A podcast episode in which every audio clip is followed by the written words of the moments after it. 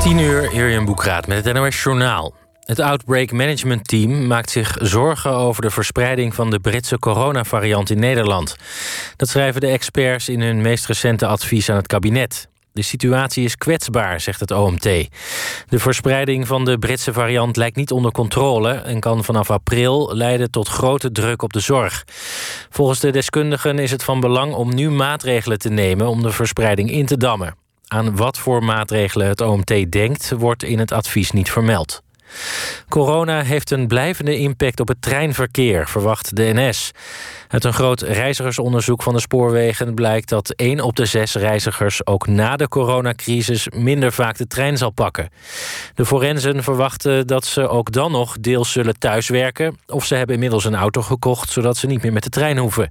Dat kost de NS veel omzet en het bedrijf verwacht verder te moeten inkrimpen. Bij het verboden protest vanmiddag op het Museumplein zijn volgens de politie 115 mensen aangehouden. De gemeente Amsterdam zegt dat er onder de 2000 demonstranten een groep van zo'n 250 mensen was die duidelijk uit waren op confrontatie. Ze haalden stenen uit de straat en gooiden die naar de politie. En ook hadden sommigen vechthandschoenen, slagwapens en vuurwerk bij zich. Het protest tegen het kabinet en het coronabeleid was vooraf door de gemeente en door de rechter verboden.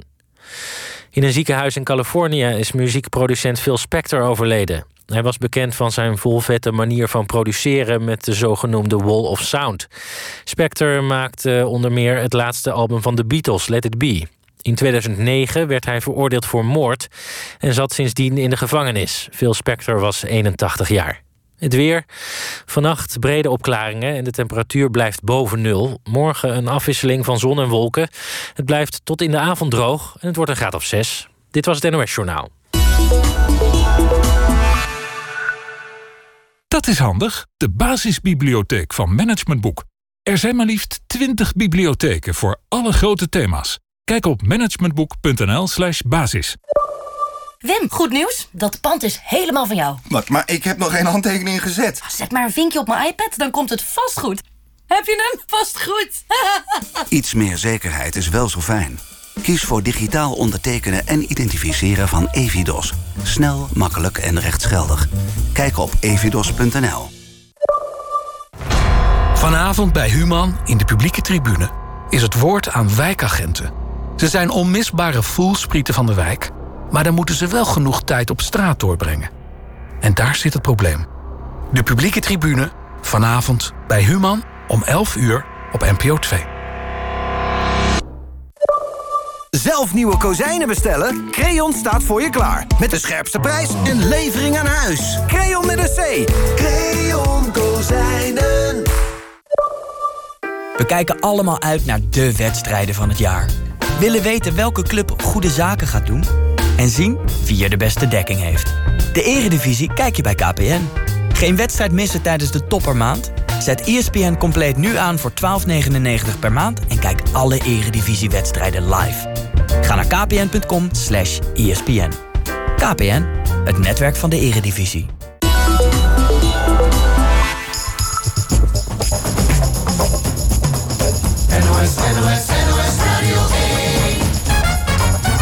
Langs de lijn met Annette van Tricht. Goedenavond, een lange en enerverende sportdag is bijna ten einde. De klassieker werd voor het eerst weer in anderhalf jaar gespeeld. Ajax-Feyenoord werd beslist door één doelpunt en één kans... waar ze in Rotterdam-Zuid vannacht slecht van zullen slapen. Die is de lat. En het eindsignaal van Danny Makkely. Zo dicht komt Feyenoord nog bij de gelijkmaker. In Heerenveen domineerden de Nederlanders op de EK's. Roest, Krol, Leerdam en de Jong werden allemaal Europees kampioen. In de laatste rit van het EK Allround bij de vrouwen... kwam Irene Schouten als eerste over de streep, maar... Even daarna komt de Europese kampioene over de streep. Antoinette de Jong voor de tweede keer in haar loopbaan... Europese kampioene op het allrounden. En oude tijden herleven in de Premier League. Manchester United staat bovenaan en speelde vanavond de topper tegen Liverpool. And it has finished nil-nil between the champions and the leaders. And Manchester United have the air of a team that is satisfied with what they've got here at Anfield. Geen goals dus, maar wel een morele winnaar. Straks horen we vanuit Engeland of het nou Liverpool of Manchester is. Dat en meer tot 11 uur in Langste Lijn. Al in de maand van de waarheid al een aantal topwedstrijden gehad... maar vandaag was het dan eindelijk de dag van de enige echte klassieker. En die was misschien niet groots en meeslepend, maar spannend, ja, dat was het wel. Ajax Feyenoord editie 2021 is begonnen. Het is een soort omsingeling al aan het worden in het eerste kwartier van eh, het strafschopgebied waar Marsman het doel verdedigt. Feyenoord dus in de problemen. Ajax troeft de Rotterdammers vooralsnog op elk gebied af. En dan opent Blind over de linkerkant van het veld met een heerlijke paas in de richting van Tadic. Achterlijn, terugleggen. Gravenberg zou kunnen schieten. Kan zijn tegenstander uitschieten. Schiet raak ook. 1-0 voor Ajax. Uitstekend uitgespeeld ook. Het zag er zo simpel uit hoe Ajax dat deed. Dat, uh, dat je er bijna inderdaad bang van wordt. En nu moet Feyenoord wat gaan doen. Van achterstand terug gaan komen en voetballen. En Feyenoord wordt wat beter. En Jurgensen heeft de bal. En Toornstra en Berghuis met het schot. En dat is een van de beste kansen. Toornstra, Toornstra, moeilijke hoekbal wegleggen. Jurgensen 1... 1, nee, buitenspel. Malasia terugtrekt, bal, schot, kans, Berghuis. Oh, oh, oh, oh, oh. Tadic kan met links in één keer. Kapt even naar binnen, wil de verre hoek zoeken. En dan zit Senesi er goed tussen. Kom al op de lat nog, zeg. Hoe is het mogelijk? Wat kwam Feyenoord hier nog dichtbij. Het is dus uiteindelijk niet genoeg. Deze klassieker eindigt in een 1-0 overwinning voor Ajax. Arman Afsaroglu. En de laatste minuut was misschien wel de leukste, hè? Ja, er gebeurde nog heel veel in de slotfase. Feyenoord gaf, gaf niet op en dat uh, viel te prijs. Bleven doorgaan en bleven ook steeds dichterbij komen. En ja, dichterbij dan die laatste minuut kwamen ze niet meer. Bal op de lat van Sinistera. Dat was net daarvoor nog een uh, goede kans voor Ver. Onana keepte een goede wedstrijd voor Ajax. Ja, ze kwamen er echt bij in de buurt. En, en ze hadden die, die goal en die gelijkmaker ook wel verdiend. Maar die, die bleef dus uit. Ja. Zeg, het was dus een hele andere topper dan die van een week geleden. toen Ajax en PSV er een spektakel van maakten. Maar voor jou was het geen verrassing? Nee, nou ja, ik denk dat het voor niemand echt een verrassing was. Want je kon het wel een beetje uittekenen. Feyenoord en sowieso een elftal van Dick Advocaat... gaat nooit uh, heel aanvallend beginnen. Is altijd een beetje afwachtend, altijd spelend vanuit de organisatie. En dan ja, is het aan de tegenstander om te kijken wat ze daar dan mee kunnen doen. En ik vond Ajax in het eerste half uur best aardig niet uh, verschrikkelijk goed. Uh, ik, ik, heb ze eigenlijk de hele wedstrijd niet zien voetballen zoals ze wel kunnen. De vlagen, bij Vlagen was het aardig, maar niet zoals het vorige week een uur lang wel was tegen PSV. En ja, Feyenoord begon heel voorzichtig. Zelfs nog iets voorzichtiger dan ik had gedacht. Bijna met wat ontzag richting de tegenstander, richting Ajax. Zou ook kunnen dat het meespeelt dat Feyenoord al 15 jaar daar niet heeft gewonnen. Ze, ze roepen wel allemaal, ja, dat, dat, is, dat maakt niet uit, het is een nieuwe wedstrijd... maar dat gaat toch denk ik wel in de hoofden zitten. En in dat eerste half uur heeft Feyenoord het eigenlijk laten liggen. Maar het zorgde er wel voor dat de wedstrijd nooit helemaal op gang kwam... dat het nooit helemaal echt, echt lekker loskwam... en dat het ook niet heel goed was. En dat, dat, dat viel wel een beetje tegen. Mhm. Ja, het bleef dus bij de goal van uh, Ryan Gravenberg, 18 jaar nog maar... en die uiteraard trots is dat hij de matchwinner werd in de klassieker. Jawel, zeker. Oh, als je zo'n doelpunt maakt, natuurlijk. Uh, ja, als je hem ook nog zo uitkapt en uh, met je links binnen schiet, uh, dan mag je wel trots op zijn. Waarom laten jullie Feyenoord daarna zo komen? ja, we gingen meer, steeds meer naar achteren lopen. en ja, daardoor krijgen we gewoon kansen. En ja, op het einde was het een beetje billen knijpen. En dat mag eigenlijk niet gebeuren. Eigenlijk moet je gewoon ja, een beetje op zoek naar de 2-0. Ja, en, en uh, ja, als die valt, dan, dan is het gewoon klaar. Ja, en dat billenknijpen deed hij dan op de tribune. Want wat, uh, wat gebeurde er? Hij viel uit met een blessure?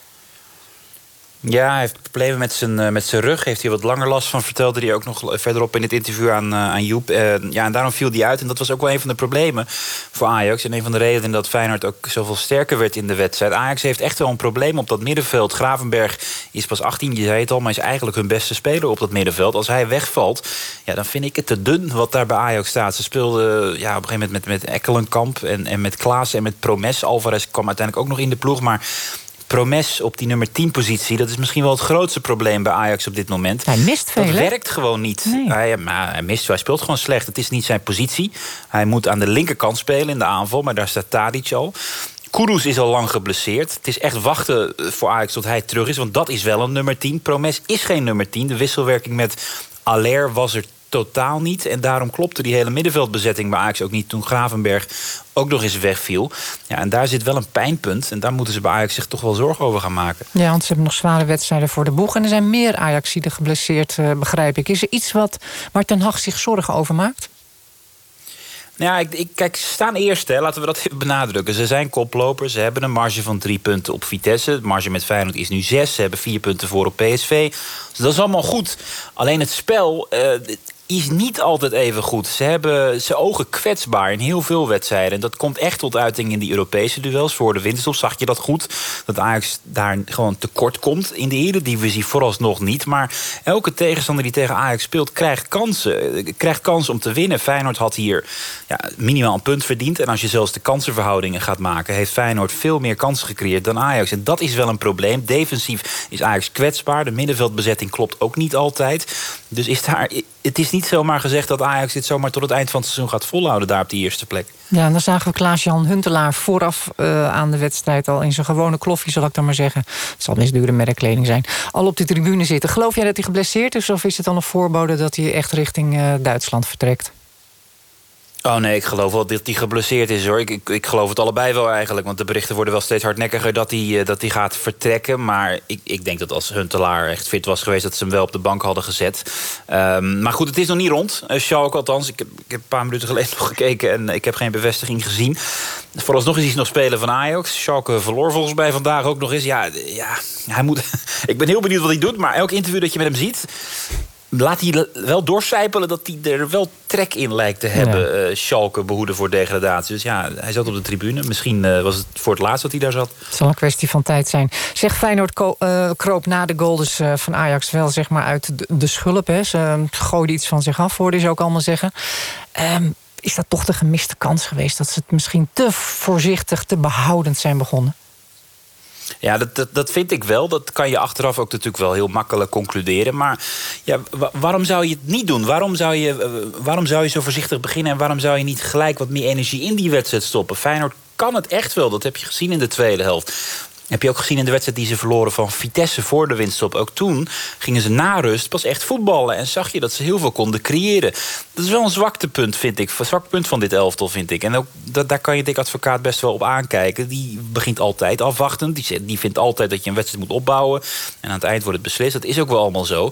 Maar je, je kan het ook overdrijven. En ik vond dat Feyenoord vandaag echt wel ja, begon met het aura van... ja, nou, we zijn er een beetje bang voor. En laten we maar kijken wat het oplevert. Dat, dat moet je natuurlijk niet doen. Een kans voor Berghuis. Goeiedag.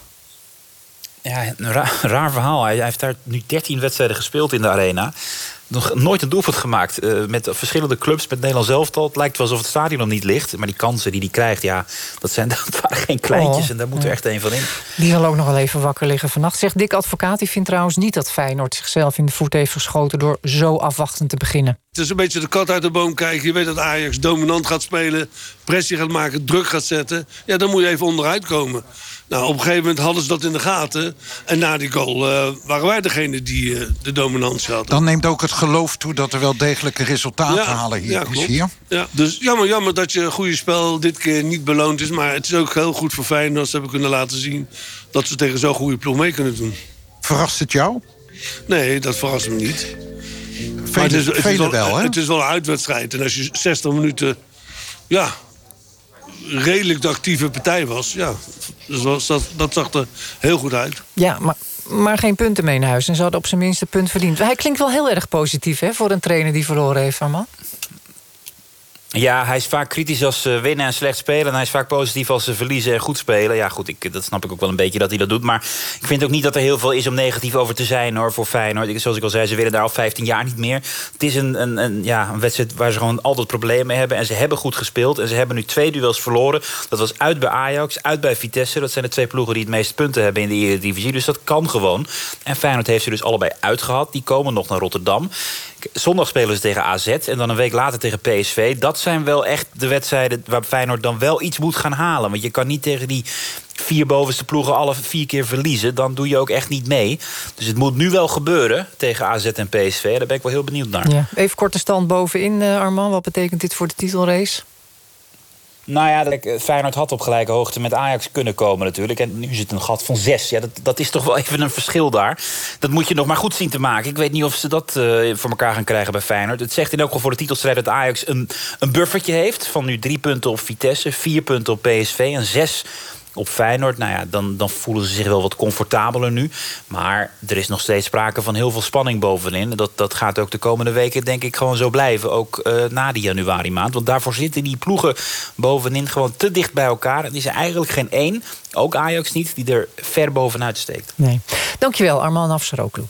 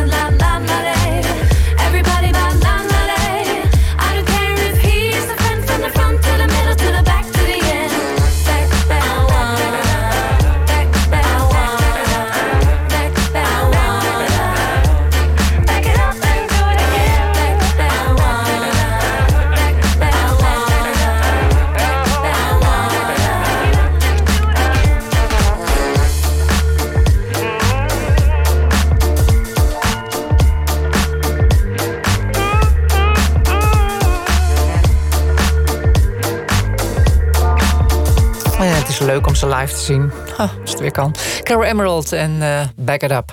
Vier Nederlandse Europese schaatskampioenen dit weekend. Antoinette de Jong wint het EK Allround voor vrouwen. Patrick Roes doet dat bij de mannen. Jutta Leerdam is de beste vrouwelijke sprinter van Europa. En Thomas Krol de beste man. Sebastian Timmerman, het spannendst was het bij de vrouwen, denk ik. Hè? Zullen we daarmee beginnen? Uh, ja, nee, dat, eh, dat is goed. Ja, nou, Thomas Krol is natuurlijk ook wel heel spannend. Dat was ook wel onverwacht. Maar goed, daar komen we dadelijk ja, komen we zo ja, ja nee, laten we met de vrouwen beginnen. Goed, het allround toernooi. Uh, ja, we zaten natuurlijk klaar voor een duel tussen Antoinette de Jong en Irene Schouten. De Jong wint dus. Uh, hoe knap is het dat zij de aanval van Schouten heeft uh, afgeslagen? Ja, dat is knap. Want uh, nou, het duurde heel lang eigenlijk voor die aanval kwam. Die kwam pas in de laatste rondjes van uh, de 5000 meter. Uh, eigenlijk reed Antoinette de Jong gewoon hartstikke sterk. Sterker dan gisteren. Toen stond ze wel aan de leiding na de eerste dag. Maar dat kwam vooral doordat ze op de 500 meter veel tijd op Schouten had gepakt. Want op de 3000 meter ja, gaf ze toch ruim vier seconden toe op Irene Schouten. Uh, en dat was wel veel. En ja, daarom zei ik gisteravond ook... Antoinette de Jong is de koploper... maar Irene Schouten staat er misschien nog wel beter voor. Toen was het verschil heel klein. En Schouten had natuurlijk die vijf kilometer achterstand. Maar de 1500 meter was een sleutelafstand. Daarop nam uh, Antoinette de Jong het initiatief. En straalde ze ook ja, wel weer wat, wat uit, wat kracht uit dat miste ik gisteren een beetje. Een beetje de uitstraling van kom erop, ik kan je wel aan. Nou, die had ze wel op de 1500 meter. En daar, uh, die wint ze met ruim twee seconden voorsprong op Irene Schout. En dat consolideert ze vervolgens prima op de 5000 meter. Waardoor uh, Antoinette de Jong voor de tweede keer in haar loopbaan... Europees kampioen allround wordt. Ja, en verslaggever Steven Dalebout, uh, die sprak met haar. Ja, hoe anders is deze om, het, om te vieren dan, uh, dan de vorige Europese titel? Ja, deze was natuurlijk al heel erg speciaal. Ik, had, uh, ik was echt gewoon wel echt gedreven om hier uh, die titel weer te pakken. En, maar het was een heel spannend toernooi. Het, was, het zat allemaal heel dicht bij elkaar na dag één. En toen dacht ik wel van oeh, ja, ik, had, ik moest gewoon een, een, een, de slag slaan op de 1500. Ja. En daar kon ik gewoon rustig in blijven. En kon ik gewoon ja, doen wat ik moest doen. En ja, het was gewoon best wel bijzonder. En daarna de 5 kilometer, toen dacht ik, ik moet gewoon nou, vanaf begin af aan gewoon blijven rijden. En um, dat had ze waarschijnlijk niet verwacht. Maar...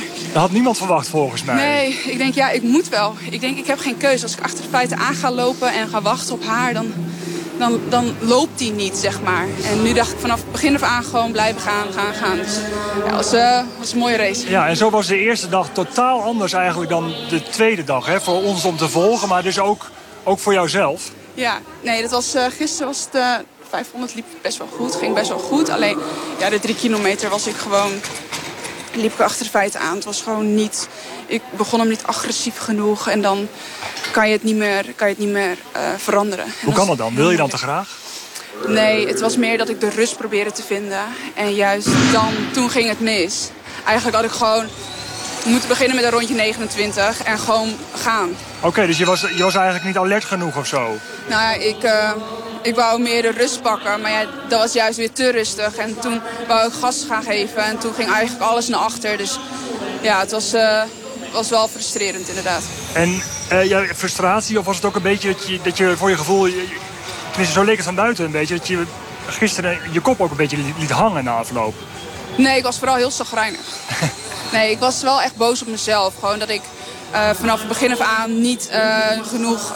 Um, uh, heb, nou ja, je zet zeg maar op een bepaalde manier af en hij was, het was gewoon niet hard genoeg. Het was, niet, het was niet, inderdaad misschien niet scherp genoeg. En um, ja, dat, dat wil je niet nog een keer. En dan weer de 1500 begint gewoon vanaf het begin af aan gewoon ja, zitten en rijden. En Wist dat, je dat je dat dat je dat gewoon wel kon fysiek vandaag? Ja. Of twijfelde ja, je had ik een mindere dag, vandaag had ik een goede dag. Ja. Maar hoe ging je dan die slotdag in? Ik bedoel, wist je dat je dat kon? Nou, er zit er dan toch ook nog wel twijfel of zo? Ja, dat was natuurlijk wel een beetje twijfel. Dat was wel... Uh, vooral gewoon heel... Ik was heel gespannen eigenlijk er van tevoren. Maar dat is toch raar eigenlijk, hè? Want twee weken geleden, geleden, geleden reed je hier ook de pannen van het Ja, maar het is weer anders. Het is een nieuwe, dit is weer een nieuwe dag. Okay. Of een nieuwe wedstrijd. Het ja. is gewoon... Je kan je niet meer vergelijken. Dus er staat ook weer een heel andere persoon. Dus het is... Maar je weet toch dat je kan dan, zou ik zeggen? Ja, zeker. Ja, tuurlijk. Tuurlijk weet je dat je het kan. Alleen je moet het nog wel laten zien. En het is niet zomaar even gedaan. Het is niet zomaar eventjes dat je, dat je het even doet. En um, vandaag heb ik gewoon laten zien wat ik kan. En ik had een goede 1500. Dat had ik slag geslagen. En ik heb een goede 5 kilometer voor mezelf laten zien. Wat, wat, dat is, voor mij wat is de grootste overwinning geweest? Die 5 kilometer misschien ook wel. Dat ik gewoon weer mezelf heb kunnen verbeteren. En de afgelopen twee jaar niet die slag heb kunnen vinden, zeg maar. En dat is precies hetzelfde met die 1500. Dit was wel voor mij de moeilijkste dag. Maar ja, alsnog uh, de beste dag. Ja, dus en je hebt echt het mes op de keel gezet hè, bij Irene Schouten. Daardoor heb je gewonnen. Ja. Uh, wat, wat deze zegen dus een speciale zegen maakt. Tenminste, uh, ik vond het heel leuk om naar te kijken. Ja, het was een heel spannend toernooi. Ja. En, ja, dat maakt het ook wel inderdaad wel weer een soort van iets specialer. Dat je, ja, je hebt er gewoon echt voor moeten knokken. En, en voor haar ook. Het was, het was niet makkelijk. Nee, een, een openhartige interview van Antoinette ja, de Jonge, toch? Zeker, ja, ja vond ik ook. Ja. ja. En je moet het toch inderdaad uh, gewoon maar even doen. Ook al uh, staat van tevoren op papier bij wijze van spreken... dat zij wel even de Europese titel zou binnenslepen. Zeg, is zij nou zeg maar gedoken in het gat wat Irene Wust uh, achter gaat laten? Ja, nou dat heeft ze natuurlijk twee jaar geleden... toen ze voor de eerste keer kampioene werd al een beetje gedaan. Maar ze is gewoon eigenlijk nu beter dan Irene Wust. Want als ik kijk naar het puntentotaal... 159,303. Ik kan me voorstellen dat je dat helemaal niks zegt. Maar dat is het beste puntentotaal ooit bij een EK Allround. En dit was toch de 43ste editie. Irene Wust heeft vaak meegedaan. Sablikova heeft vaak gewonnen. Maar zo'n goed puntentotaal als Antoinette de Jong, uh, de Jong vandaag... en gisteren bijeenreed, was er nog nooit. Dus zij heeft het over alle afstanden supergoed gedaan. En uh, ja, heeft dus een grens verlegd. Ja, en Irene Schouten, zilver bij haar debuut op het EK Allround. Gaan we haar vaker op uh, allround toernooien zien? Nou, dat vraag ik me af. Want uh, als je haar de afgelopen week hebt horen praten... dan ligt haar hart, uh, daar verwijzen ook steeds naar... toch wel bij het marathonrijden. De drie, de vijf kilometer, dat zijn echt de speerpunten... met de massastart richting volgend seizoen, het Olympisch seizoen. Ik vraag me af of uh, Irene Schouten binnenkort weer terug gaan zien... op een allround toernooi. Het was ook vijf jaar geleden dat ze er voor het laatst eentje had gereden. Oké, okay. wachten we af. Gaan we naar de, het sprinttoernooi bij de vrouwen. Ja, spannend tot de laatste afstand. Jutta Leerdam wint uiteindelijk.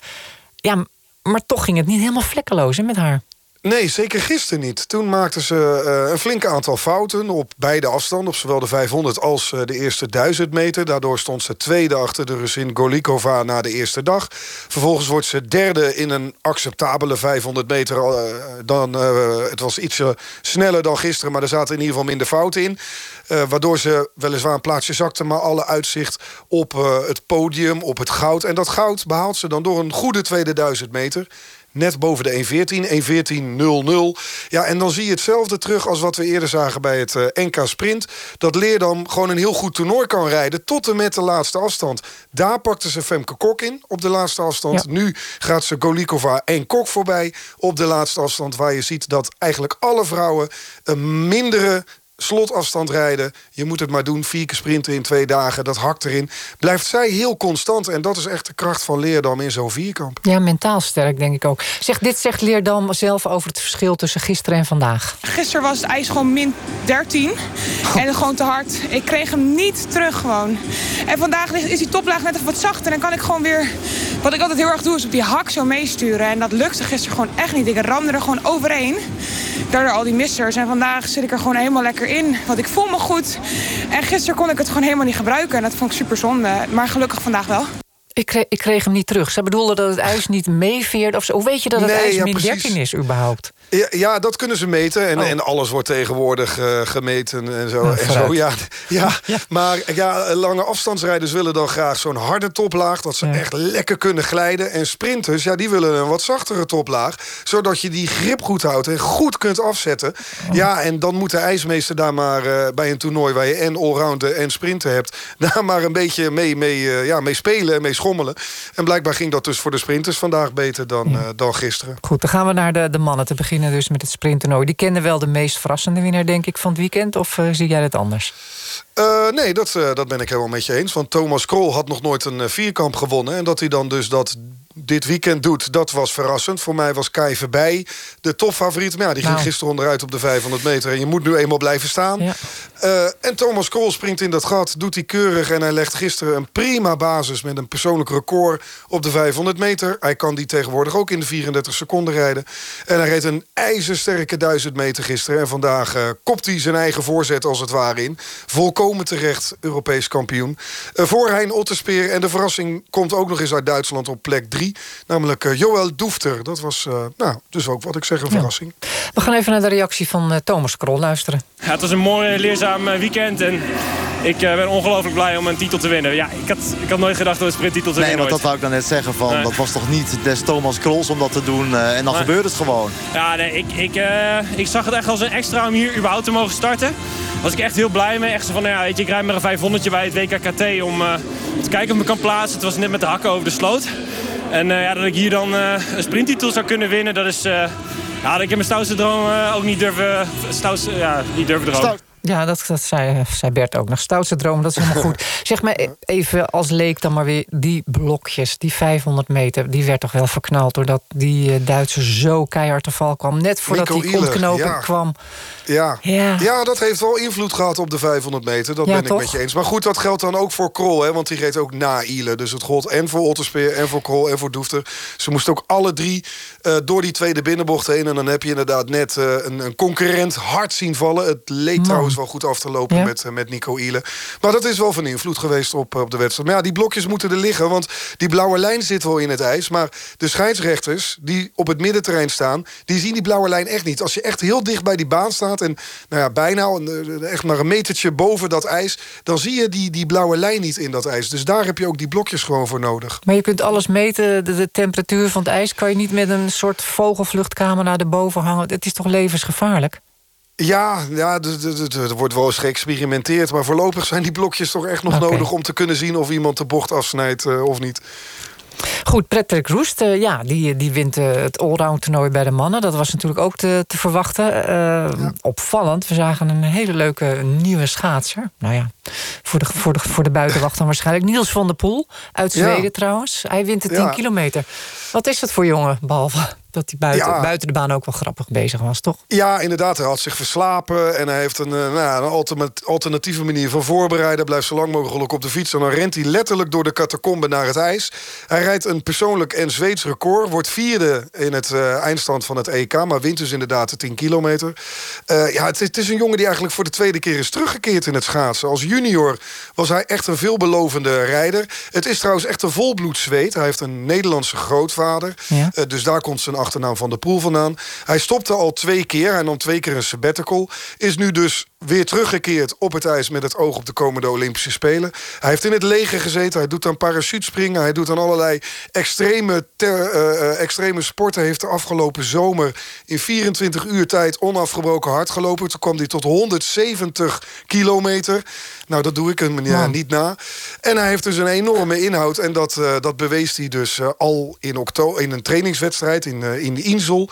waar hij het baanrecord verbeterde. Ja, en nu rijdt hij het Zweeds record, 12, 42, 80. En het leuke is dus dat eigenlijk de afstand die er de afgelopen jaren... het meest ter discussie stond in het schaatsen... Ja, dat dat nu een steeds bredere afstand wordt. Uh, want we hebben een wereldrecordhouder uit Canada. Uh, we hebben natuurlijk Tetjan Bloemen, ook uit Canada... landgenoot van die wereldrecordhouder Fish. Van de Poel komt er nu bij uit Zweden. er komt een Fransman aan die het steeds beter gaat doen. Er is een Japanner die tegenwoordig een 10 kilometer kan rijden. Dus kortom, dat wordt richting de volgende Olympische Spelen... ja, steeds interessantere afstand. Ja, want ik hoorde Rintje Ritsma zeggen... die 10 kilometer is op dit moment de makkelijkst, de best te trainen afstand. Dat verbaasde me eigenlijk wel, tot slot. Ja, het, het, het komt op enorm veel, uh, veel inhoud aan. Ja, Jillet Anema roept het ook al jaren... dat het uh, inderdaad de best trainbare afstand en de mooiste afstand ook is. Ja, die krijgen toch inderdaad een beetje gelijk... Uh, zo de laatste en, anderhalf, twee jaar. Als de concurrentie ja. dan groot is, ja, dan is het smullen ja, blazen. Dan wel, ja. ja dus dan zeker. laat Aizu zich nog maar eens even achter de oren krabben. Ik dank je wel, Sebastian Timmerman. Oké. Okay. Graag gedaan. Gaan we verder met korfballen. De Korfbal League verwelkomde dit weekend een oude bekende. Oost-Arnhem is terug. Toen het nog gewoon de hoofdklasse heette... werd de roemruchte club eind jaren 80 twee keer landskampioen... en won het ook twee keer de Europa Cup. Een van de dragende spelers van toen is de trainer van nu, Ron Steenbergen. Maar dat is er pas sinds een paar dagen. Steenbergen werd namelijk teruggevraagd... nadat de samenwerking met Hugo van Woudenburg... vlak voor het begin van de competitie werd stopgezet. Nou ja, voeg daar dan nog alle coronaprotocollen aan toe... en je kunt niet echt spreken van een vlekkeloze voorbereiding. Het is allemaal ja, heel gek gegaan. Turbulent, vooral de twee dagen na de, de laatste oefenwedstrijd. En daarna ging het eigenlijk best wel snel. Turbulente week, ja. Slechts vijf dagen voor Oost-Arnhem zijn eerste wedstrijd ooit in de Korfbal League zou spelen brak het lijntje tussen de trainer en de selectie. Er was gewoon niet genoeg een klik tussen de spelersgroep en de trainer Hugo van Woudenberg. En uh, ja, dat is afgelopen maandag... Uh, uitgesproken en uh, zijn de, de, de wegen uit elkaar gegaan eigenlijk van, uh, van hun. Ja, dus op dat moment ja, was er snel natuurlijk een trainer nodig. En die was zo gevonden in oude bekende Ron Steenbergen. Volgens insiders ook wel Mr. Oost-Arnhem genoemd... omdat hij jarenlang voor de club speelde en die tot een jaar geleden ook trainde. Ik kon er natuurlijk ook vrij makkelijk weer opnieuw erin stappen... omdat ik eigenlijk alle spelers goed ken, dus ik weet wel uh, wat er speelt. Hè. Ik heb niet een, uh, een half jaar nodig om, uh, om ze allemaal te leren kennen. Na een hectische week is de selectie vooral blij met de terugkeer van Steenbergen. Vertellen aanvoerder Rick Verdouw en zijn teamgenoot Willemien Kracht. Ron kennen we door en door, zes jaar onze trainer geweest. Uh, en die pakt het nu weer op. Dus uh, het was ook weer een beetje thuiskomen voor. En voor ons daar een verademing. Ja, ja, dus het is gewoon oud en vertrouwd weer. Het kan dus verkeren. Zo vlak voor de club debuteert op het hoogste niveau. Ja, dat kun je altijd blijven zeggen natuurlijk. Op het hoogste niveau van, uh, van Nederland gekomen. Want natuurlijk, uh, we zijn wel via loting uh, hier in deze competitie gekomen. Dat wel. Ja, dat zeiden we ook tegen elkaar. Het is natuurlijk een historisch moment. We hebben nog nooit in de Korfbal League gespeeld. Hè. Vroeger heette het geen Korfbal League. Je hebt zelf jarenlange ervaring gehad op het hoogste niveau natuurlijk. In de jaren 80 en 90 de Europa Cup bijvoorbeeld een paar keer gewonnen met deze club. Heb je ook verteld over die tijd aan je spelers? Heb je jullie het daar dan over? jawel, jawel. We- Nou, we hebben, ik, heb het, ik heb er wel over nagedacht, maar ik heb het uiteindelijk niet gedaan in de bespreking. Ik heb wel natuurlijk een stukje historie van onszelf genoemd. Hè? Dat we dus al, eh, al zes jaar samen zijn en dat we zeg maar vier jaar geleden tegen bepaalde clubs spelen waar we, ja, waar we nu ver boven staan. En een jaar daarna weer een klasse hoger tegen weer andere teams. En dat we nu dan eh, mogen spelen tegen de top van Nederland. We krijgen de verhalen heel veel te horen. Geweldige verhalen ook in eh, Griekenland en de Europa Cup en dat soort dingen. Dus dat neem je wel mee en ook de ervaring neemt hij wel mee. Gewoon hoe dat is om op dat niveau te acteren. Maar het zelf ondervinden blijkt toch andere koek voor de spelers van Oost-Arnhem. In de openingswedstrijd tegen KZ gaan ze flink onderuit. Oh ja, actie van Alven Oh, Broening. Jasper Broening die... Ah, Ah, maakt het ja. goed. Stef Meijns. Het is nu toch wel eh, ja, vrij duidelijk dat, eh, dat het eh, krachtsverschil wat eh, te groot is eh, op dit moment voor uh, Oost-Arnhem. Oh, mooie bal. combinatie. Ah, jammer, jammer. Ja. Nou, dat kun je natuurlijk ook nog proberen in de laatste fase. Hè. Als je toch 10 achter staat, dan een beetje een mooie goal proberen te maken. Jullie verliezen uiteindelijk vandaag met eh 10 punten verschil. Wat was dit voor debuut? Ik, ik vond het toch wel eh, ietsjes teleurstellend. Hè? Eh, Als, je bedoel, als je 10 punten verschilt, eh, is dat gewoon teleurstellend. We kregen meer druk dan, nog meer druk dan we eigenlijk wel verwacht hadden. En daar konden we ons eigenlijk niet eh, fijn onderuit spelen. Dus we hebben veel te veel balverlies geleden eigenlijk eh, in het samenspel. Dat is een niveau hoger waar wij ook aan moeten wennen. Maar daar hebben we eigenlijk geen tijd voor. We moeten er eigenlijk gelijk staan. Dus, eh, Ja, je hoopt toch dat je al meer kan, eh, kan laten zien eh, tegen zo'n... eh, nou ja, het is toch wel een topploeg, zeg maar. in zo'n wedstrijd kom je wel echt tekort. Eh, maar we, hebben, we kunnen niet degraderen. Dus we hebben echt een seizoen om heel hard te werken en eh, beter te worden. Om dan ook volgend jaar echt eh, veel te laten zien. De Korfbalbond heeft namelijk al besloten dat er straks geen clubs degraderen... omdat het seizoen nu zo uitzonderlijk verloopt door de coronapandemie. En dus in die zin is het wel mooi dat we de kans hebben inderdaad om, om hier twee seizoenen op dit niveau te spelen. Het is, het is inderdaad een mooi jaar om te groeien met z'n allen. En eh, veel te leren. En ook eh, om te gaan met de druk die we nu krijgen, zeg maar. En eh, je mag heel trots zijn als Arnhem wat je dat bereikt. Ja, dat was een reportage van eh, Eline de Zeeuw. Dan gaan we naar Griekenland, want daar is het het gesprek van de dag. Het seksueel misbruik waarvan meerdere hooggeplaatste sportbestuurders beschuldigd worden. Het Openbaar Ministerie is een onderzoek gestart. Correspondent Connie Kees, goedenavond. Goedenavond. Het balletje is gaan rollen bij zeilster Sofia Bekatourou. En dat is, ja, dat is niet zomaar iemand, hè? Nee, zij is een van de meest succesvolle en bekende sporters in Griekenland. Ze won goud op de Olympische Spelen in Athene in de 470 zeilklasse. Brons eh, in 2008 op die Olympische Spelen daar. En, en was ook nog eens een keer met haar partner in die 470 klasse vier keer wereldkampioen en twee keer Europees kampioen. Nou, zij onthulde afgelopen vrijdag tijdens een teleconferentie over seksueel misbruik dat ze in 1998 door een hooggeplaatste official van de Griekse zeilbond is misbruikt. Iemand die nu nog die functie heeft, zei ze. Nou, en dat eh, seksueel misbruik gebeurde, zegt Sofia Bekatourou op een hotelkamer tijdens kwalificatiewedstrijden voor de Spelen in Sydney. En wat heeft die onthulling eh, losgemaakt? Ja, dat heeft voor enorme beroering en geschokte reacties gezorgd in de Griekse sportwereld en ook daarbuiten. Eh, vooral op sociale media wordt eh, veel steun uitgesproken voor uh, eh, van andere atleten, maar ook van politici tot aan de premier toe. Die heeft haar gisteravond ook gesproken.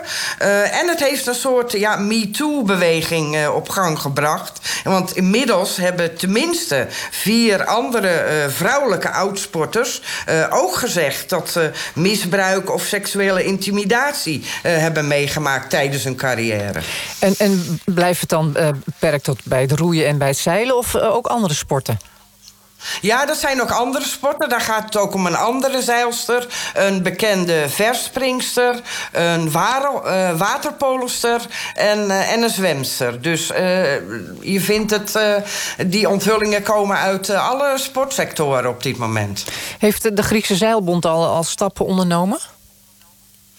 Ja, de, eh, de Griekse zeilbond eh, heeft inmiddels eh, het ontslag aangevraagd van de vicevoorzitter van de bond. Want deze man bekleedt al sinds 1997 deze functie. En dat, dat gebeurde eigenlijk nadat Griekse media gingen zoeken en niet veel tijd hadden om uit te vinden wie de officials waren die namens de zeilbond de ploeg in 1998 begeleiden. Nou ja, verder heeft het eh, Openbaar Ministerie eh, ook een onderzoek ingesteld. En Sofia Beccatoro is gevraagd komende week een eh, verklaring af te leggen. Dus ja, de zaak is nu echt aan het rollen gebracht. Nog even, is die vicevoorzitter, is die... wat wordt in de neem? Ja? Is hij... ehm, sorry. Is hij verdachte of heeft hij weggekeken? Ja, hij wordt, dat wordt natuurlijk nog niet eh, zo gezegd. Eh, Zijn naam is eh, wel bekend. Maar hij wordt toch wel ja, in, in sommige media echt als ver- verdachte aangemerkt nu. Ja. Oké, goed. En jij verwacht dus wel dat nu het OM er dus ook een onderzoek in, echt gestart is... dat de beerput open gaat? Nou, dat zou heel goed kunnen, want ik heb gelezen wat die andere eh, vrouwelijke topsporters op sociale media vertellen. Eh, en die zeggen eigenlijk allemaal: er zijn veel meer slachtoffers hè, van misbruik of intimidatie. Er zijn meer vrouwen in de Griekse sportwereld die jarenlang eh, niets hebben gezegd. En je ziet ook oproepen, bijvoorbeeld van oud-Olympische sporters, zowel van mannen of vrouwen, aan vrouwen of mannen of meisjes of jongens om zich te melden hè, als er iets is gebeurd. Want eh, ja, Sofia Beccatoro heeft nu het voorbeeld gegeven om dat eh, zwijgen te doorbreken. Ja, goed. Dankjewel, eh, Connie Kees vanuit Griekenland. De eerste Nederlandse wereldkampioen ooit in de motorsport is overleden. Jan de Vries vierde eind jaren 60 en begin jaren 70 grote successen in de 50cc-klasse. En als eerste race kwam die van de veredelde bromfiets. Met een gemiddelde van boven de 125 km per uur gierden de kleine motortjes over de baan. Het werd een strijd tussen Jan de Vries en de Spanjaard Nieto. Iedereen dacht dat de Vries de race ging winnen, maar hij werd vlak voor de streep door Nieto gepasseerd. De TT wist daar nooit te winnen, maar wel veel andere wedstrijden. En deze week overleed hij onverwacht op 77-jarige leeftijd... in zijn woonplaats Purmerend. Wie hem heeft gekend is motorsportcommentator natuurlijk Hans van Loosnoord. Hans, goedenavond. Goedenavond. Wat laat hij allemaal na? Wat heeft hij gepresteerd, eh, deze succesvolle Nederlandse coureur... ooit in een solo-klasse op de weg? Wat hij gepresteerd heeft is natuurlijk het feit dat hij de eerste Nederlander was die wereldkampioen werd. Hij heeft in totaal heeft hij 14 Grand Prix gewonnen, 27 podiumplaatsen en twee wereldtitels. En dat is natuurlijk een, eh, een prachtige palmares. Daar kan eigenlijk eh, niemand aan tippen in Nederland. Een echte grootheid in de sport dus. Hoe, hoe, zou je hem omschrijven als mens?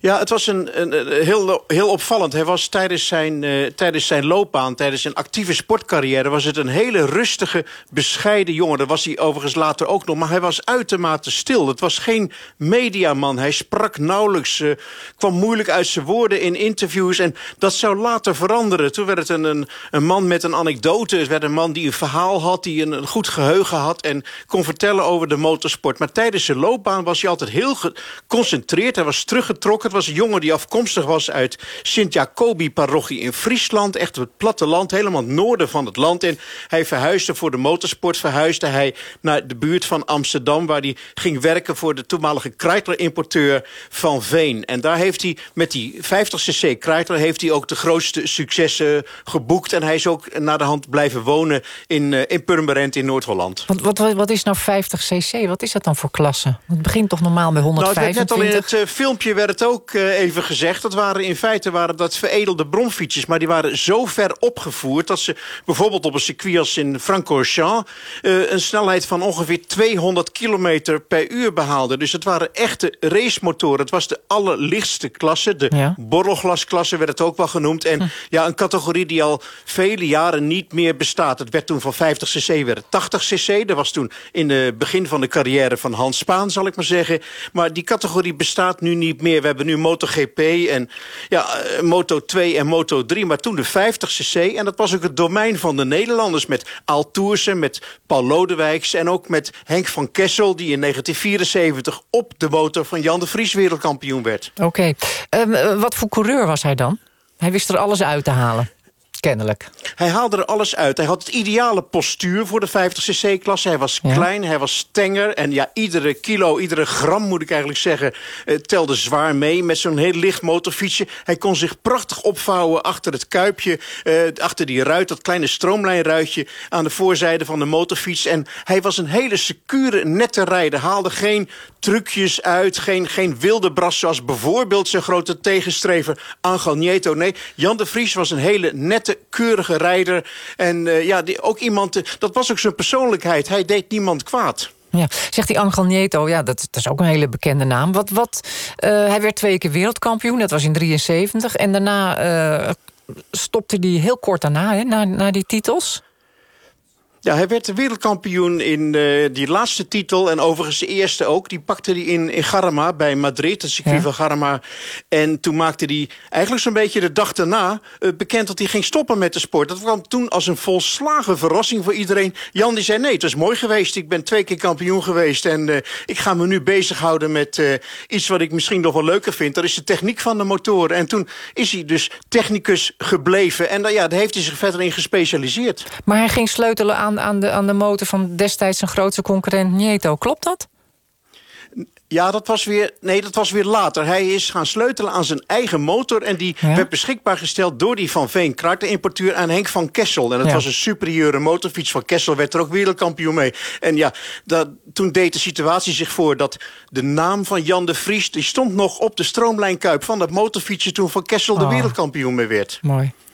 Zeg, ehm, Ja, dat was er niet zo dat er daar series van die motorfietsen werden gebouwd. hoor. Er, eh, er was er gewoon maar één of er waren er twee. En dat was alles. En als je de snelste, de beste motor had... en die werd dan geprepareerd door Jan de Vries...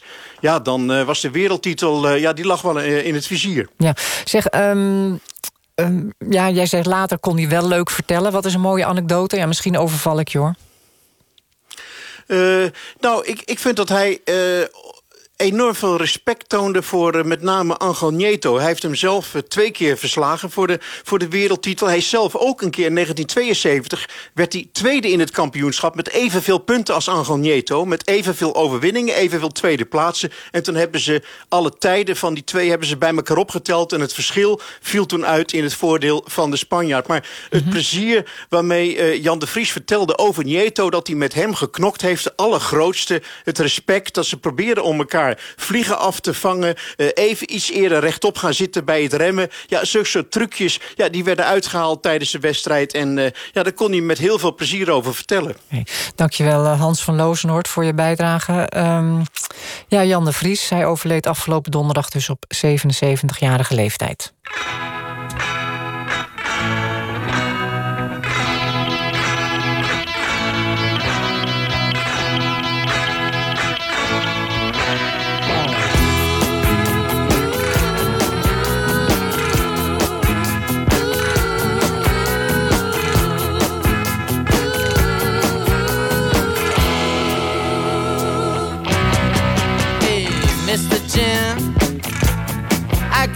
The shape you're in. Finger on your eyebrow and left hand on your hip. Thinking that you're such a lady killer. Think you're so slick. Well, alright.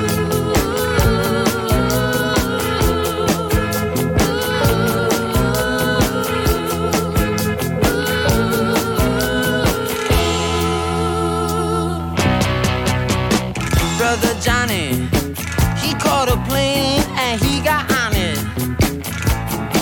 Now he's a razor in the wind, and he's got a pistol in his pocket.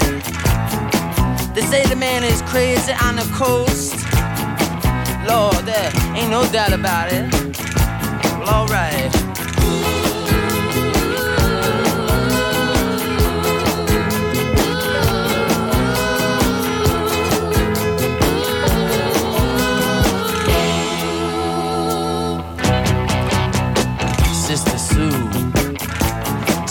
baby, what are we gonna do? And she said, take two candles and then you burn them out. Make a paper boat, light it and send it out.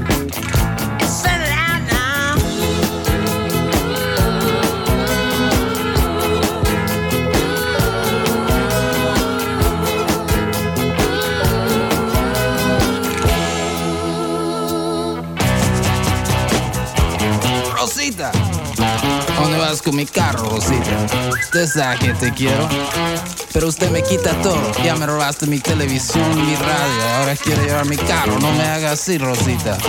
Ven aquí. Eh, usted que es salado, Rosita. Oh.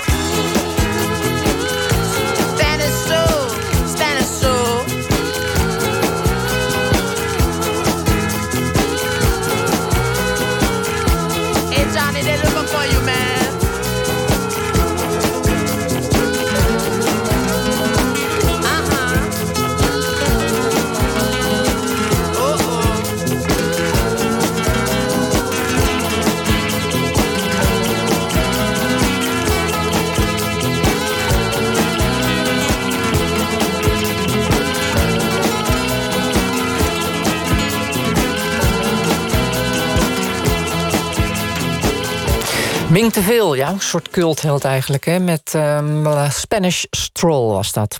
Goed, vrijwel gelijktijdig met Ajax Feyenoord... werd er ook in Engeland een topper gespeeld. Koploper Manchester, je hoort het goed, koploper Manchester United... ging op bezoek bij regerend kampioen en nummer 3 Liverpool. En dat leverde nog minder doelpunten op dan de klassieker. Het bleef bij 0-0. Contact nu met volger van het Engels voetbal... Geert Langendorf in Manchester.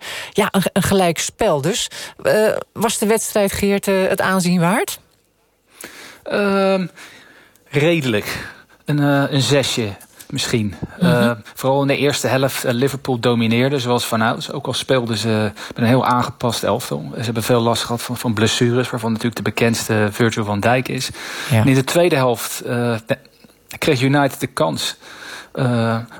Om de wedstrijd eh, bij de horens te vatten. Eh, maar deed dat niet. Pogba en Fernandes kregen twee grote kansen. En dat waren eigenlijk ook de hoogtepunten van de wedstrijden. En ja, beide misten. Ja. En daardoor bleef het bij 0-0. Wie is de morele winnaar als je die uit moet roepen? Want het is opmerkelijk, hè, Manchester bovenaan. Jazeker. Nou, de morele winnaar vandaag, als je kijkt naar de, eh, naar de opstelling en de problemen die Liverpool heeft op het moment, dan zou ik zeggen Liverpool. En een heel klein beetje Manchester United, omdat het voor hen altijd heel lastig is om de nul te houden eh, bij Liverpool. Eh, maar aan de andere kant, ze hadden vandaag wel moeten winnen. Ja. Zeg even over Virgil van Dijk. Weet je iets meer over het herstelproces, nu ik je toch aan de lijn heb? Eh, nou, de verhalen gaan in ieder geval dat hij weer de, eh, de baltraining heeft hervat in Dubai. eh, in een zonnig klimaat. eh, ver weg van, van het koude Liverpool. Maar wanneer hij terugkomt, daar is niet heel veel over duidelijk. Jurgen Klopp, de trainer van Liverpool, die houdt, het, die houdt zich een klein beetje op de vlakte daarover. Voorlopig kunnen we nog niet op hem rekenen. Dus ik zou hem voor april nog niet terug verwachten. Nee, maar hij zit natuurlijk stiekem een beetje te kijken naar de, naar de komende zomer in het EK. Goed, ehm, laten we het over Manchester hebben. Want een, het kan verkeren. Een paar maanden geleden werd er nog volop gespeculeerd over het ontslag van, van de trainer, Solskjaer. Eh, Wat is er gebeurd in Manchester? Eh, nou, eigenlijk waar je op doelt is die... eh, op 8 december was er een nederlaag tegen RB Leipzig in de, in de Champions League, 2-3. En toen werd inderdaad om zijn hoofd geschreeuwd. Eh, eigenlijk kon hij helemaal niks meer goed doen. En wat er toen volgde was eigenlijk in de competitie een langzame maar gestage weg omhoog. En waar komt dat door? Je kan eigenlijk Manchester United een klein beetje de lockdown kampioen worden. Kampioen van, van de COVID. Eh, waar andere ploegen door het, door het hele strakke competitieschema eh, langzaam eh, afvielen door blessures en... en, natuurlijk ook besmettingen.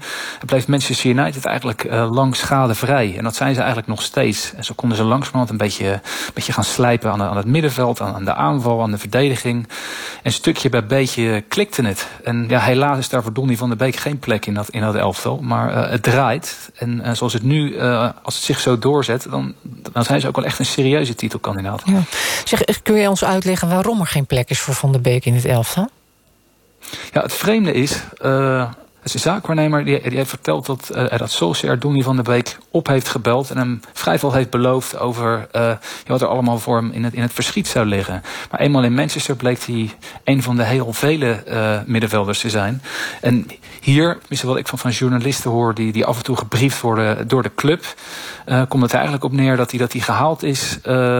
Meer voor de prestige uh, dan echt voor de sportieve noodzaak. Hij is gewoon een, extra middenvelder die wellicht volgend jaar uh, vol aan de bak kan, maar voorlopig echt nog eventjes moet wachten. Dus ja, waarom die om sportief. Dus eigenlijk waarom die gehaald is, dat weet, dat weet eigenlijk niemand. Behalve dat het, dat het erop lijkt dat het, dat het niet meer dan een, een vervelende prestigestrijd is geworden. En Man United wilde gewoon laten zien in de zomer, wij kunnen ook wat, ook wat, ook wat doen. En Real Madrid wilde hem hebben. Jammer, wij nemen hem over. Deal geslaagd, zomer min of meer nog gered. En Donny van der Beek is een beetje het kind van de rekening. Is dat nou niet vooraf in te schatten door zo'n zaakwaarnemer? Uh, je zou zeggen van wel, want als je inderdaad keek naar de, naar de middenvelders die ze hadden... En, en op de positie waarvoor hij in aanmerking kwam... bijvoorbeeld de positie van Fernandes, de 10... waar hij natuurlijk ook veel bij Ajax op speelde... Ja, die is... Uh, en die staat altijd als eerste op het wedstrijdformulier. Dus dat is ook veruit de belangrijkste speler op het moment. Uh, dus die, die zou nooit uit het elftal gespeeld worden. Uh, dan kijk je daarachter, meer op de verdedigende posities op het middenveld. En daar zou hij de strijd aan uh, hebben moeten gaan met, uh, met dan wel McTominay, dan wel Pogba. Maar McTominay is al, is al veel verder in zijn ontwikkeling en, is sterker. En, en Pogba is, als hij als het eenmaal te pakken krijgt, een van de beste spelers van Europa. Dus toen hij daar eenmaal kwam, McTominay en Pogba in vorm... Fernandes niet uit de basis te krijgen. En toen was het eigenlijk al gedaan. Dus je zou inderdaad zeggen, de zaakwaarnemer had iets beters huiswerk kunnen en moeten doen. Ja. Nou, verdient geloof ik 170 pond of euro per week van de Beek. Dus nou ja, daar kan je ook best tevreden mee zijn. Toch? Ja, inderdaad. Ja, zo kan je er ook naar kijken. Nou, heeft toevallig Solskjaer uh, vorige week aangegeven... dat hij eerst zei van... ja, ik stik van de middenvelders. Uh, voor Donny van der Beek is in ieder geval dit seizoen nog niet echt plek. Heeft hij... Uh, daarna wel hem gesproken en gezegd dat er volgend jaar wel een serieuze kans voor hem komt. En dat hij wel degelijk in de plannen voorkomt. Dus dat is in ieder geval een, een klein beetje het, uh, het licht aan het einde van de tunnel. Ja, wat, wat, wat uh, registreer jij vanaf de zijlijn? Hoe, hoe is Van der Beek eronder? Laat hij, laat hij zich uit in de pers? Of hoe gedraagt hij zich dan als hij op de bank zit? Ontzettend kalm en, en, en rustig. Uh, dat was natuurlijk bij Ajax ook al. Ik, ik kan me nog herinneren toen hij zijn debuut maakte. Heel erg rustig en uh, hij vrij nonchalant kan hij soms overkomen. Maar hij, staat, maar hij zit gewoon goed in zijn vel. Hij weet waarvoor hij daar is. En wat ik begrijp is dat hij heel hard traint, goed zijn best doet. Snapt dat hij op bepaalde punten nog, uh, nog beter moet worden, zoals, zoals in defensief opzicht. En dat zijn tijd ja, op zich moet laten wachten. En dus wat dat betreft toont hij geduld. Hij wil ook niet verhuurd worden. Maar dat, het was United sowieso niet van plan vanwege, vanwege COVID. Je weet nooit wanneer er weer een blessure of een, of een besmettingsgeval om de hoek ja. moet kijken. Uh, maar hij blijft rustig. Um, en, en, zeker ook als je hem ziet zitten op de bank. Het is, het is absoluut niet iemand uh, die nu al met, met deuren gaat slaan. Zeg, en Pogba blijft dan wel? Want ja, ik hoorde vandaag... Jij zegt dus, hij was vandaag ook weer niet echt uh, zichtbaar dan. Zeker voor de bedragen die hij daar verdient. Want die mag toch ook dan steeds weg of is ontevreden? Hoe zit dat? Ja, ontevreden inderdaad. Nou, dat was dus het meest bizarre. Vlak voor die wedstrijd tegen, uh, tegen Leipzig. Uh, die is met 2-3 verloren. Uh, gooide zijn zaakwaarnemer Mina Raiola een, een bommetje, of eigenlijk een bom, in, in de Italiaanse pers. Pogba was helemaal klaar in, in Manchester en wilde weg. Hij was, het was klaar, hij was klaar daar en hij wilde een nieuwe avontuur aangaan. en vervolgens verloren ze ze ook nog, gingen ze uit de Champions League. En nou, daarna heeft hij vreemd genoeg, of, of knap genoeg eigenlijk, dat is eigenlijk wel een compliment aan, aan, aan Solskjaer. Die heeft hem weer aan de praat gekregen. En is hij uh, eigenlijk tot vandaag is die, is, is, die, is die weer een sleutelspeler geworden. Maar uh, daar wel met de toevoeging aan het einde van het seizoen vertrekt hij vrijwel zeker. Dus het is nog een laatste kuntje. Dus nog zes maanden zijn best doen. en dan gaat hij waarschijnlijk naar de hoogste bieden. Heel zwaar bestaan. Dankjewel Geert Langedoren voor het bijpraten over Manchester United... dat trots aan de lening gaat dus in de Premier League. Nog meer uh, buitenlands voetbal dan, Italië. Uh, daar zou dit jaar ook wel eens een andere club kampioen kunnen worden. Want Juventus heeft zojuist de topper van Inter verloren met 2-0. En Inter deelt nu de koppositie met stadsgenoot AC Milan. En Juve, met Ronaldo dus, staat vijfde met een achterstand van 7 punten. En dan uh, ja, gaat Koeman wel of niet zijn eerste prijs binnenhalen in Spanje met Barcelona. De stand, de tussenstand Barcelona-Bilbao, de finale van de Spaanse Super Cup is 2-2. Uh, Goed, ja, dan hebben we nog die Nederlandse skiester. Haal ik dat allemaal nog? Dat halen we niet meer. Ja, die heeft een knieblessure. Gaat de speler waarschijnlijk niet halen. Het oog met Mieke van der Wij. eh, die is er altijd bij. Dag, fijne avond. Wat een week, Joost. NPO Radio 1 Podcast. podcast. Dat heeft tot de conclusie geleid dat ik zojuist de koning het ontslag heb aangeboden van het hele kabinet. De stemming van Vullings en Van der Wulp. We hoorden het achter de schermen de hele tijd. Zeker vanuit de VVD. We gaan het niet doen. Aftreden is onverantwoord. Maandag werd het me duidelijk. De eerste been van het draaien voelde ik maandag. Ja. De podcast over actuele politieke kwesties. Doe jij ook eyeliner? Nee joh. Is dit allemaal puur natuur? Ja? Ga naar nporadio1.nl slash podcast of je favoriete podcast app en haal hem binnen. Goed. Hebben we nog iets over het hoofd gezien? De stemming van Vullings en Van der Wulp.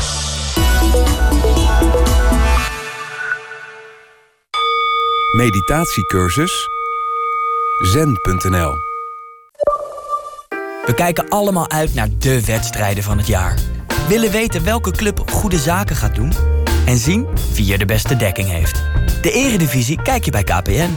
Geen wedstrijd missen tijdens de toppermaand? Zet ESPN compleet nu aan voor 12,99 per maand... en kijk alle eredivisiewedstrijden live.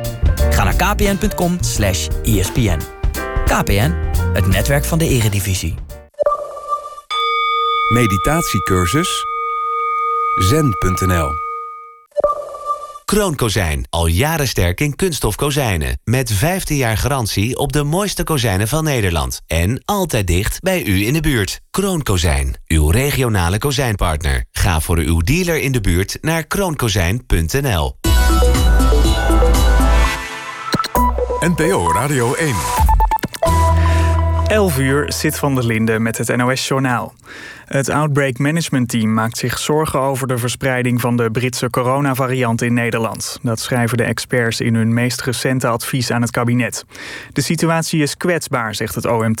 De verspreiding van de Britse variant lijkt niet onder controle en kan vanaf april leiden tot grote druk op de zorg.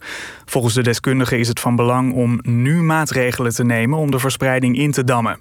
Aan wat voor maatregelen het OMT denkt, wordt in het advies niet vermeld.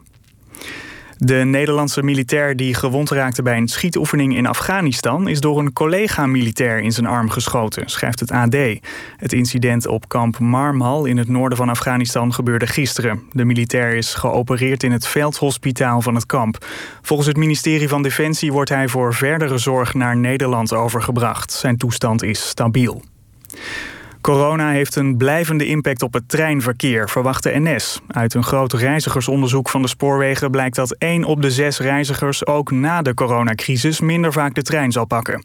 De forensen verwachten dat ze dan ook nog deels zullen thuiswerken of ze hebben inmiddels een auto gekocht zodat ze niet meer met de trein hoeven. Dat kost de NS veel omzet en het bedrijf verwacht verder te moeten inkrimpen. Het invoeren van een avondklok in Nederland is voor het kabinet nog steeds een serieuze optie. Maar er is meer overleg nodig voordat zo'n maatregel ook daadwerkelijk wordt ingevoerd, zeggen Haagse bronnen.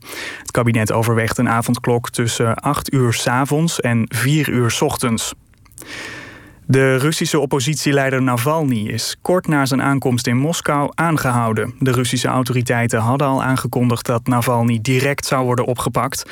Hij zou zich niet hebben gehouden aan een meldplicht die hij opgelegd had gekregen na een veroordeling voor verduistering. Navalny was maandenlang in Duitsland na een mislukte poging om hem te vergiftigen met zenuwgas. Frankrijk en de Verenigde Staten hebben Rusland opgeroepen om Navalny vrij te laten. Bij het verboden protest vanmiddag op het Museumplein zijn volgens de politie 115 mensen aangehouden. De gemeente Amsterdam zegt dat er onder de 2000 demonstranten een groep van zo'n 250 mensen was die duidelijk uit waren op de confrontatie. Ze haalden stenen uit de straat en gooiden die naar de politie. Ook hadden sommigen vechthandschoenen, slagwapens en vuurwerk bij zich.